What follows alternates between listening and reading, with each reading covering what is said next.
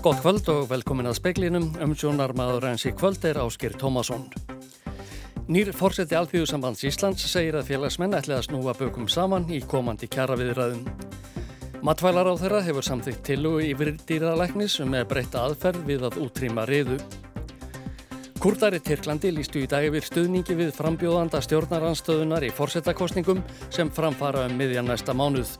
Erdóan fórseti hefur ekkert getað beitt sér í kostningabaráttunni síðustu daga vegna veikinda. Óvisa ríkir um framtíð hvenna atkvarfsins á Akureyri. Og afkastamiklum hollenskum sæðiskjafa hefur verið bannað að leggja framar inn í sæðisbanka í Hollandi.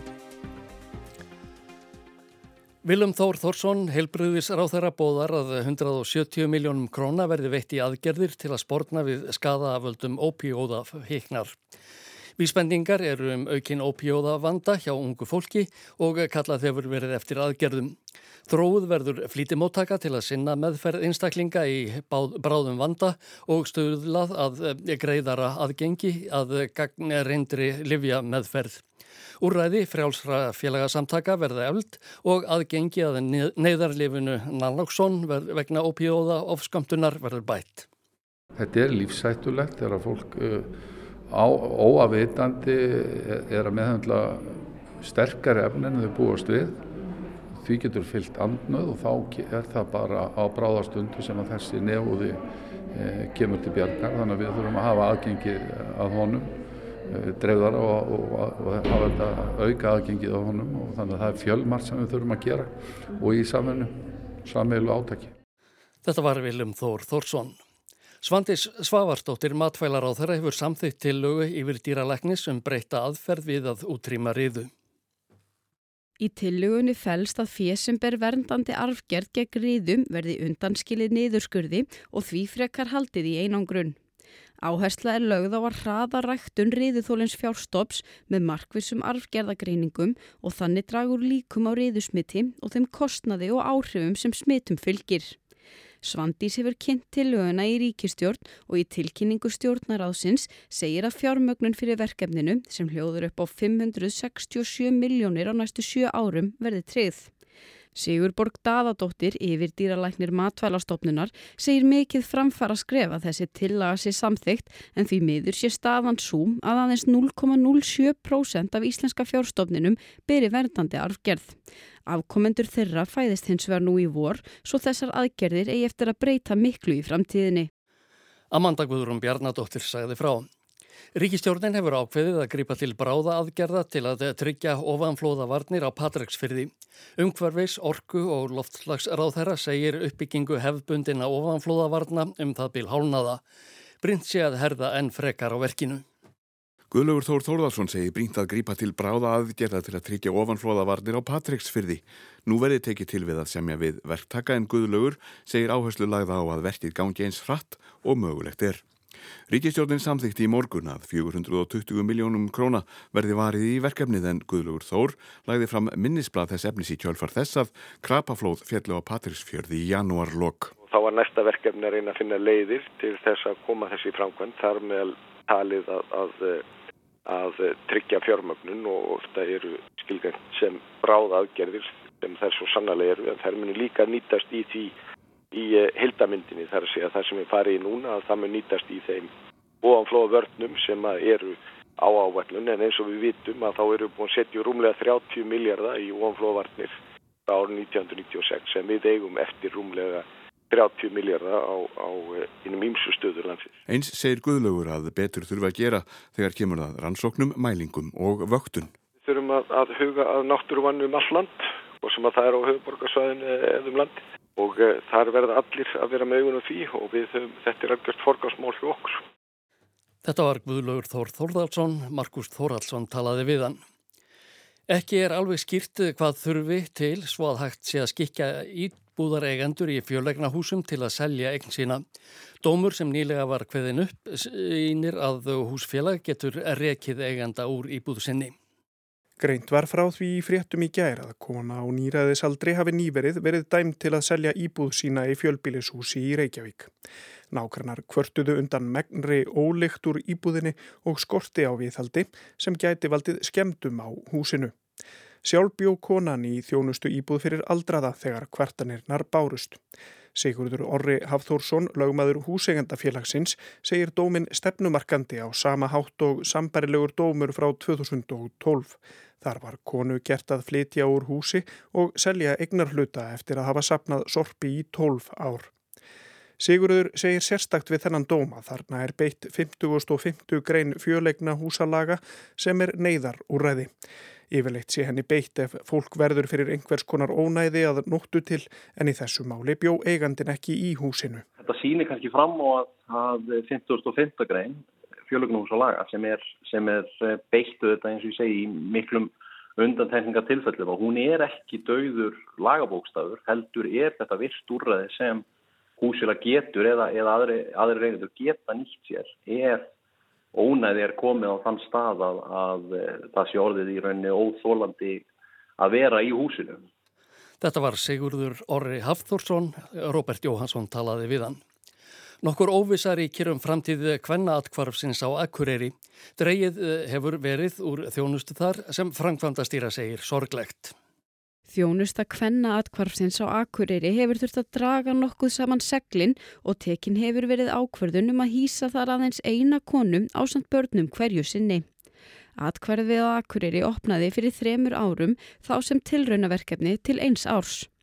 Ákveðið var þó að þróa starfið áfram en Linda Dröpt Gunnarsdóttir, framkvæmdastýra, segir að nú standi þau á krossgötum með starfseminna vegna skorts á fjármagni. Þetta hefur verið ekki þannig að við erum bara með starfskonu hluta úr degi sem kemur í atkvarfið og þetta er svona lámarksþjónusta sem við veitum og við finnum bara að það er ekki eitthvað sem við viljum halda úti áfram. Hún segir mikilvægt að það var ráðgjafa á vakt allan sólarhingin á samt því að bóðið sé upp á meiri almennar ráðgjöf og eftirfylgni og við viljum einfallega bara bjóða upp á þessa sömu þjónustu fyrir konur sem dvelja í atkvarðinu fyrir norðana fyrir að við finnum að hún er ofbáslega mikilvæg og hefur orðið til þess að tölur um konur sem að fara aftur í ábættisamband hafa hrjunni. Linda segir sorglegt að veri þeirri stöðu að þurfa hafna konum sem leita til atkvarðsins eða þurfa beina þeim til Reykjavíkur.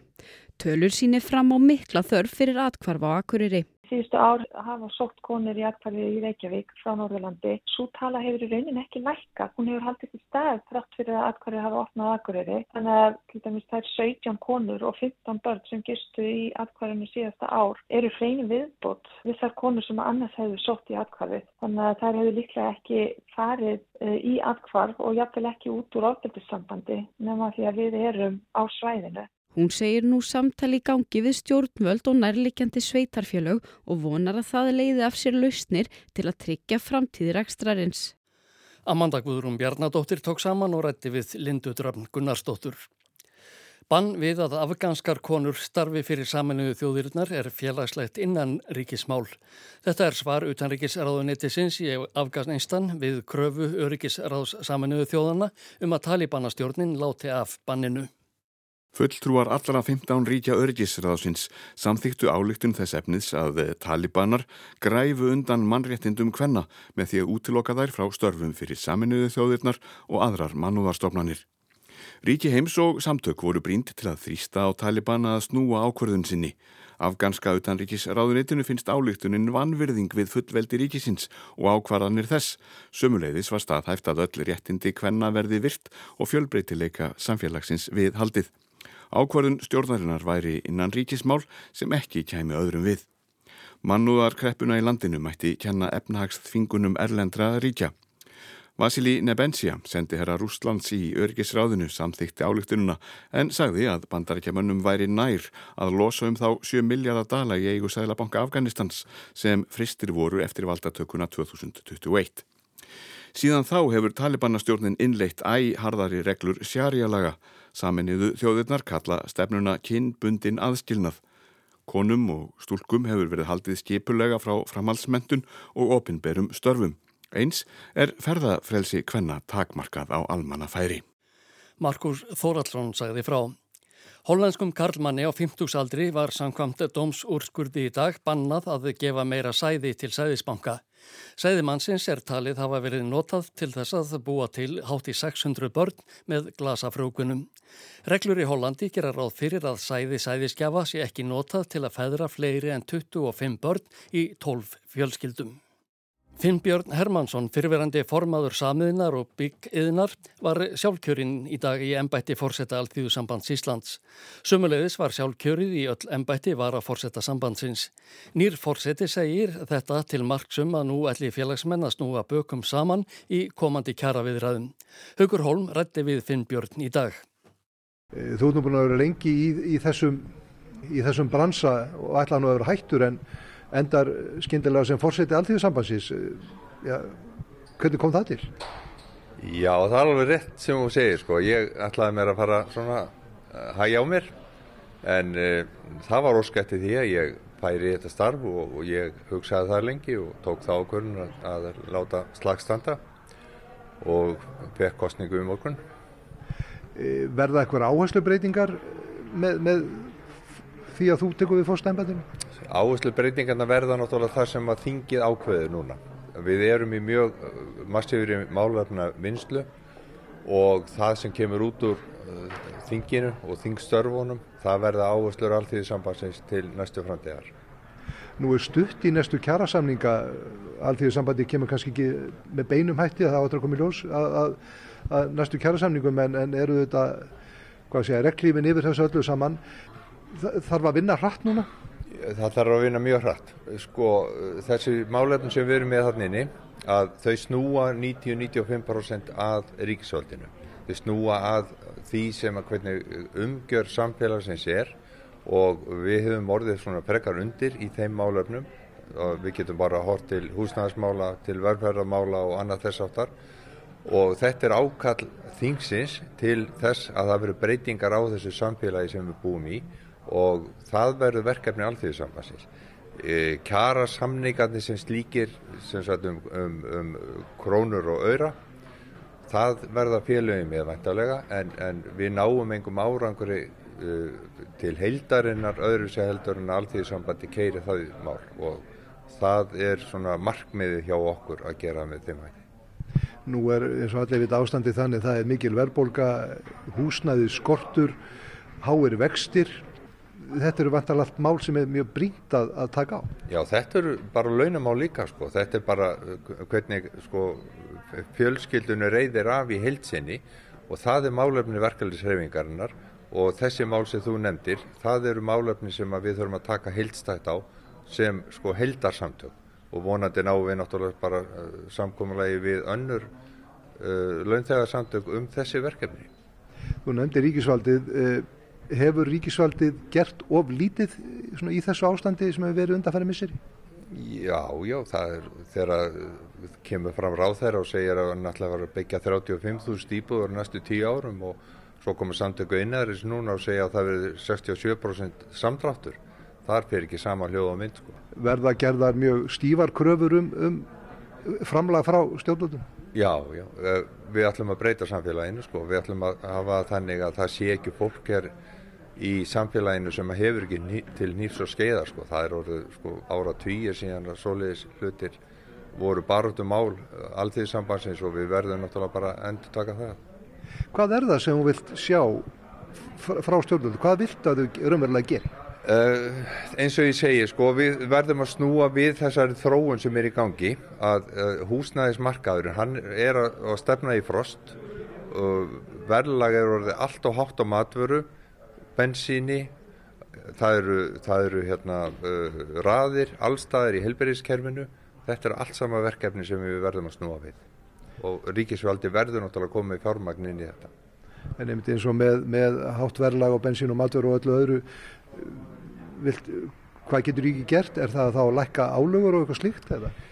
Uh, sko ég ætla ekki að fara út í einstakar liði sko, við erum eftir að skoða þetta bara en það er, það er mjög margt hægt að gera og eins og til dæmis varandi síðustu kjærasamninga að við lögðum okkar að mörgum til þess að lækka verðbólguna en það er engin annar reynd að gera það og við þurfum bara að fara á alla aðeila, alla þá sem eru að leika á þessum íslenska markaði og láta þá bera sína ábyrg líka. Það hefur engjent aldrei verkefnisreifinguna að undanfæri misseri sundrung frekar en samhælni. Það er vantalega verkefni fórseta líka og nýrar, nýrar, segja, nýrar fóristu að, að, að reyna að bera klæða á vopnin. Já, já. Uh, það er markmið hjá okkur núna, það er að sammælast um hvaða verkefni við ætlum að uh, sinna núna í komandi kjærasamningum. Uh, síðan sko ef við getum saminast um verkefnin þá má fólk vera ósátt hvort við annað mínu vegna sko. Þetta er fullori fólk og, og hérna, má rífast eins og það vil.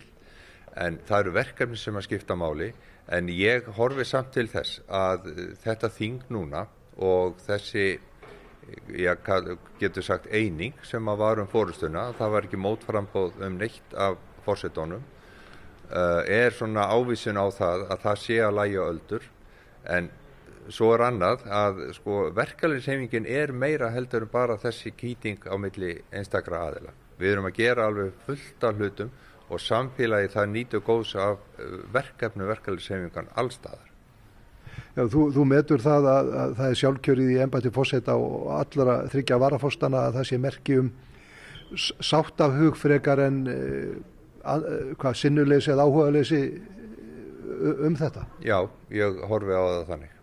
Þannig að það séu þá að því leiti bjartari tíma framöndan hvað það var þar?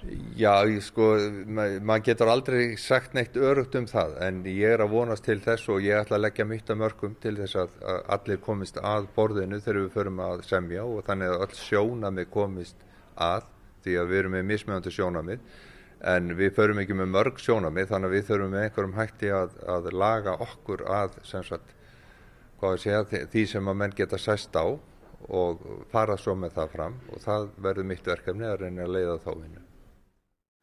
Þetta var Finnbjörn A. Hermansson, nýr fórseti Alþjóðsambands Íslands í viðtali við Haug Holm.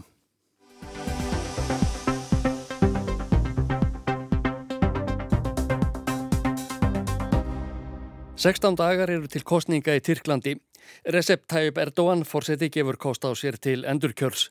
Hann hefur hins vegar ekkert getað beitt sér í kostningabaráttunni síðan á þriðju dag. Þá vektist hann hastarlega í beitni sjónvarpsútsendingu og hefur þurft að halda sig heima síðan. Erdogan satt þá fyrir svörum með nokkura fréttamanna sem hann og starfsmenn hans hafðu sjálfur valið. Myndavélinn var á þáttar stjórnandanum þegar óskupin dundu yfir. Það heyrðist brambolt og einhver bað Guð að hjálpa sér. Stjórnandanum var augljóslega brugðið og skindilega var dagskráin rofin og byrjaði að senda át auglýsingar. 20 mínútum síðar hófst útsendingin að nýju. Erdogan var náfölur þegar myndavél var beint að honum. Hann baðst afsökunar, sagðist hafa lagt hartað sér í kostningabaráttunni að undanförnu og greinilega fengið magakvesu. Að svomæltu lauk þættinum. Patretin Kotja, heilbriðisráð þeirra, greindi tyrknaskum fjölmiðlum frá því í gær að forsetin væri með yðrasíkingu. Hann væri á batavegi og færi að sinna embættisskildum sínum og kostningabaróttunni eins fljótt og auðið yrði. Sayın Cumhurbaşkanımızın sağlık durumunu hepinizin yakından takip ettiğini biliyorum. Bu sabah Ég veit að þið hafið öll haft áhyggjur af heilsu fórsetans, sagði ráþarann. Ég var hjá honum í morgun, hann bað fyrir bestu kveðjur og er við góða heilsu. Hann er að jafna sig á yðra síkingunni og takkar ykkur öllum sem báðuð fyrir honum og senduð batað kveðjur. Veikindin kom á versta tíma fyrir Erdogan. Hann hefur verið við völd í Tyrklandi í 20 ár, fyrst sem forsættisráþara og síðar sem forseti. Þetta er í fyrsta sinn sem tvísýnd er samkvæmt skoðanakönnunum um að það nái endurkjöri. Seks ólíkir stjórnaranstöðuflokkar ákváðu að saminast um einn frambjóðanda, Kemal Kutserólu, hagfræðing og fyrirverandi opimberan starfsmann sem jáframt er formaður líðveldisflokksins CHP, Rótgróins flokks jafnaðarmanna. Fylgi begja frambjóðanda hefur mælst álíka mikið að undanförnu og því er mikilvægt fyrir Erdogan að láta sjá sig á sem flestum kostningafundum síðustu vikurnar fyrir kostningar. Annað er frekar óheppilegt fyrir kostningabaróttu Erdóans. Atkvaðagreðsla Erlendis hófst í gær. 3,4 miljónir Tyrkja hafa skráð sig á kjörskrá og mikið likur við að tryggja sér fylgi þeirra. Flestir eru tyrknarsku kjósendurnir í Þískalandi. Þar er 1,5 miljón á kjörskrá. Í Fraklandi ætla hátt í 400.000 Tyrkir að greiða atkvæði og tæplega 300.000 í Hollandi. Kjörkassar hafa verið sendir til 14 landa, þar á meðal til Tansaníu í fyrsta sinn. Einni ótti að gefa Tyrkjum í Sútan kost á að kjósa en hætt var við að vegna stríðsins sem þar braust út fyrir þessum mánuði.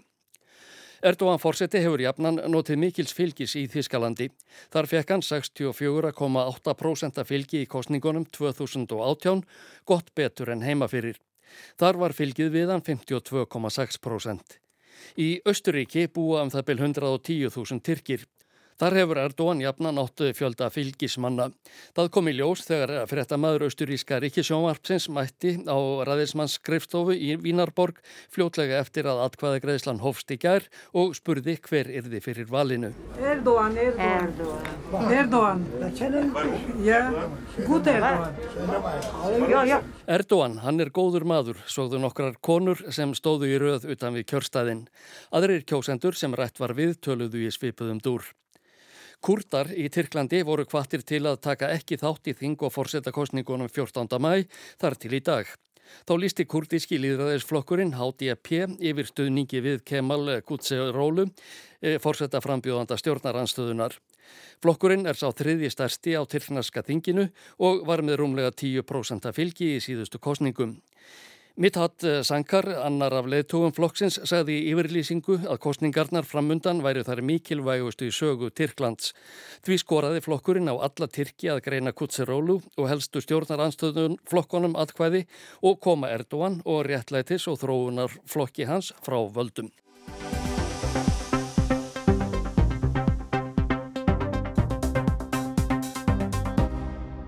Finnland var á dögunum 31. aðeldaríki Atlasasbandalagsins, NATO, eftir að hafa fyllt hlutleysi stefnu frá lokum síðustu heimstyrjaldar. Samu Pákunen, aðstóðar fórstöðumar finsku alþjóðamálastofnunarinnar, tók þátti í ráðstefninni alþjóðasamvinna á krossgötum sem haldinn var á vegum alþjóðamálastofnunar Háskóla Íslands á síðasta vetradag. Hann segir um skiptinn í afstöðu finna til aðeldara NATO hafa verið hvortvekja skjót og afgerandi. Indeed, uh... there was a long tradition of military non-alignment uh, in Finland. We were member of European Union and we had chosen our side, uh, but for decades there was a hope that some kind of a cooperation and collaboration would be possible with the big neighboring country, namely Russia. Vissulega, segir Pákunen, í Finnlandi sé löng hefði fyrir því að standa utan herðanabandalaga og þrátt fyrir að hafa gengið í Európusambandið og tekið sér þannig ákveðna stöðu, þá hafi Finnar alltaf vonað að grundvöldu væri fyrir einhvers konar samstarfi við nágrannan stóra í Austri, Rúsland.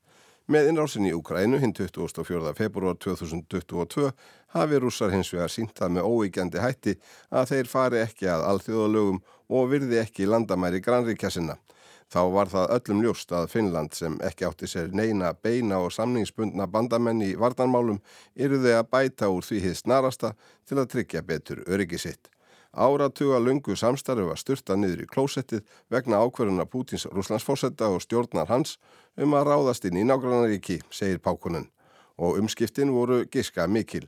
Fyrir innrásinna voru í kringum 20% finna fylgjandi NATO aðild strax eftir innrásinna sögðust yfir 50% vilja í NATO og svo jógst stuðningurinn við aðild jæmt og þétt upp í 84%. Uh, decades long of cooperation was flushed down the toilet because of the decision made by President Putin and his administration uh, to invade in a neighboring country. Þrátt fyrir afgerandi stuðning við NATO aðild meðal almennings jamt sem þingmanna stóðu finsk stjórnvöld fastar á því en fótunum að ganga ekki í bandalæði nema í samflóti við Svíja. Raunin var þó önnur því aðildarum svo Svíja hefur enn ekki verið samþygt. Pákunen segir þetta á endanum hafa verið ákverðin Erdogans Tyrklandsforsetta og Ungverja sem enn þráast við að veita Svíjum ingöngu.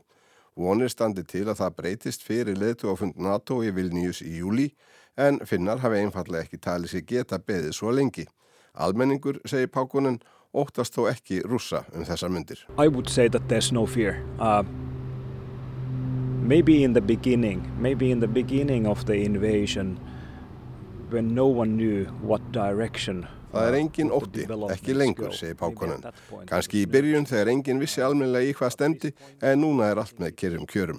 Ekkert svakalegt hefur gerst, stuðningur vestræðina nágrannaríkja og bandamanna hefur verið sérlega öflugur, heræfingar hafa verið haldnar í Finnlandi og Svíþjóð, bandaríkin, Bretland, Þískaland og Frakland hafa sínt stuðning sinn með afgerandi hætti, þannig að það er engin ótti. Pákunen segist svo litið hissa á þeirri staðrend að rússar hafa enn ekki bröðist við yngungu finna með neinum afgerandi hætti þrátt fyrir stór orð þegar umsóknin var lögð fram. Hann segir að svo virðist sem þeir hafi átt að segja á að þessi leikur í þessum heimsluta sé tapaður og að þeir hafi fallið á eigin bragði. Rússar sjáu að það sé ekki til neins að vera með einhvern yfirgang á þessu svæði en það hafi þeir ekki mannskap til þessum þessar mundir og Pákunin tekur fram að hann sé ekki einu sinna að tala um einhverjar meiriháttar hernaðaraðgerir heldur bara einhvers konar augrandi herafingar næri landamærunum en ekkert slíkt hafi sést enn. I'm not even referring to any kind of large scale military activities but, but that kind of aggressive exercises on their side of the border or, or, or something like that, that it's been almost completely missing. Landamæri Finnlands og Rúslands er um 1340 km lang. Töluver byggð er í næsta nágrinni þeirra í sunnanverðu Finnlandi en byggðin gistnar og hverfur nær alveg þegar norðar dregur.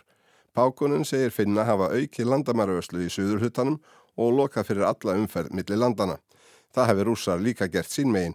Þeir hleypi engum inn, engum út en reki heldur engan úr landi yfir til Finnlands og Noregs eins og þeir gerðu þegar flottamannaströymunu var hvað mestur árið 2015. Meiri hluti þessara ógnarlöngu landamæra, norður hlutin, er alveg óvarin.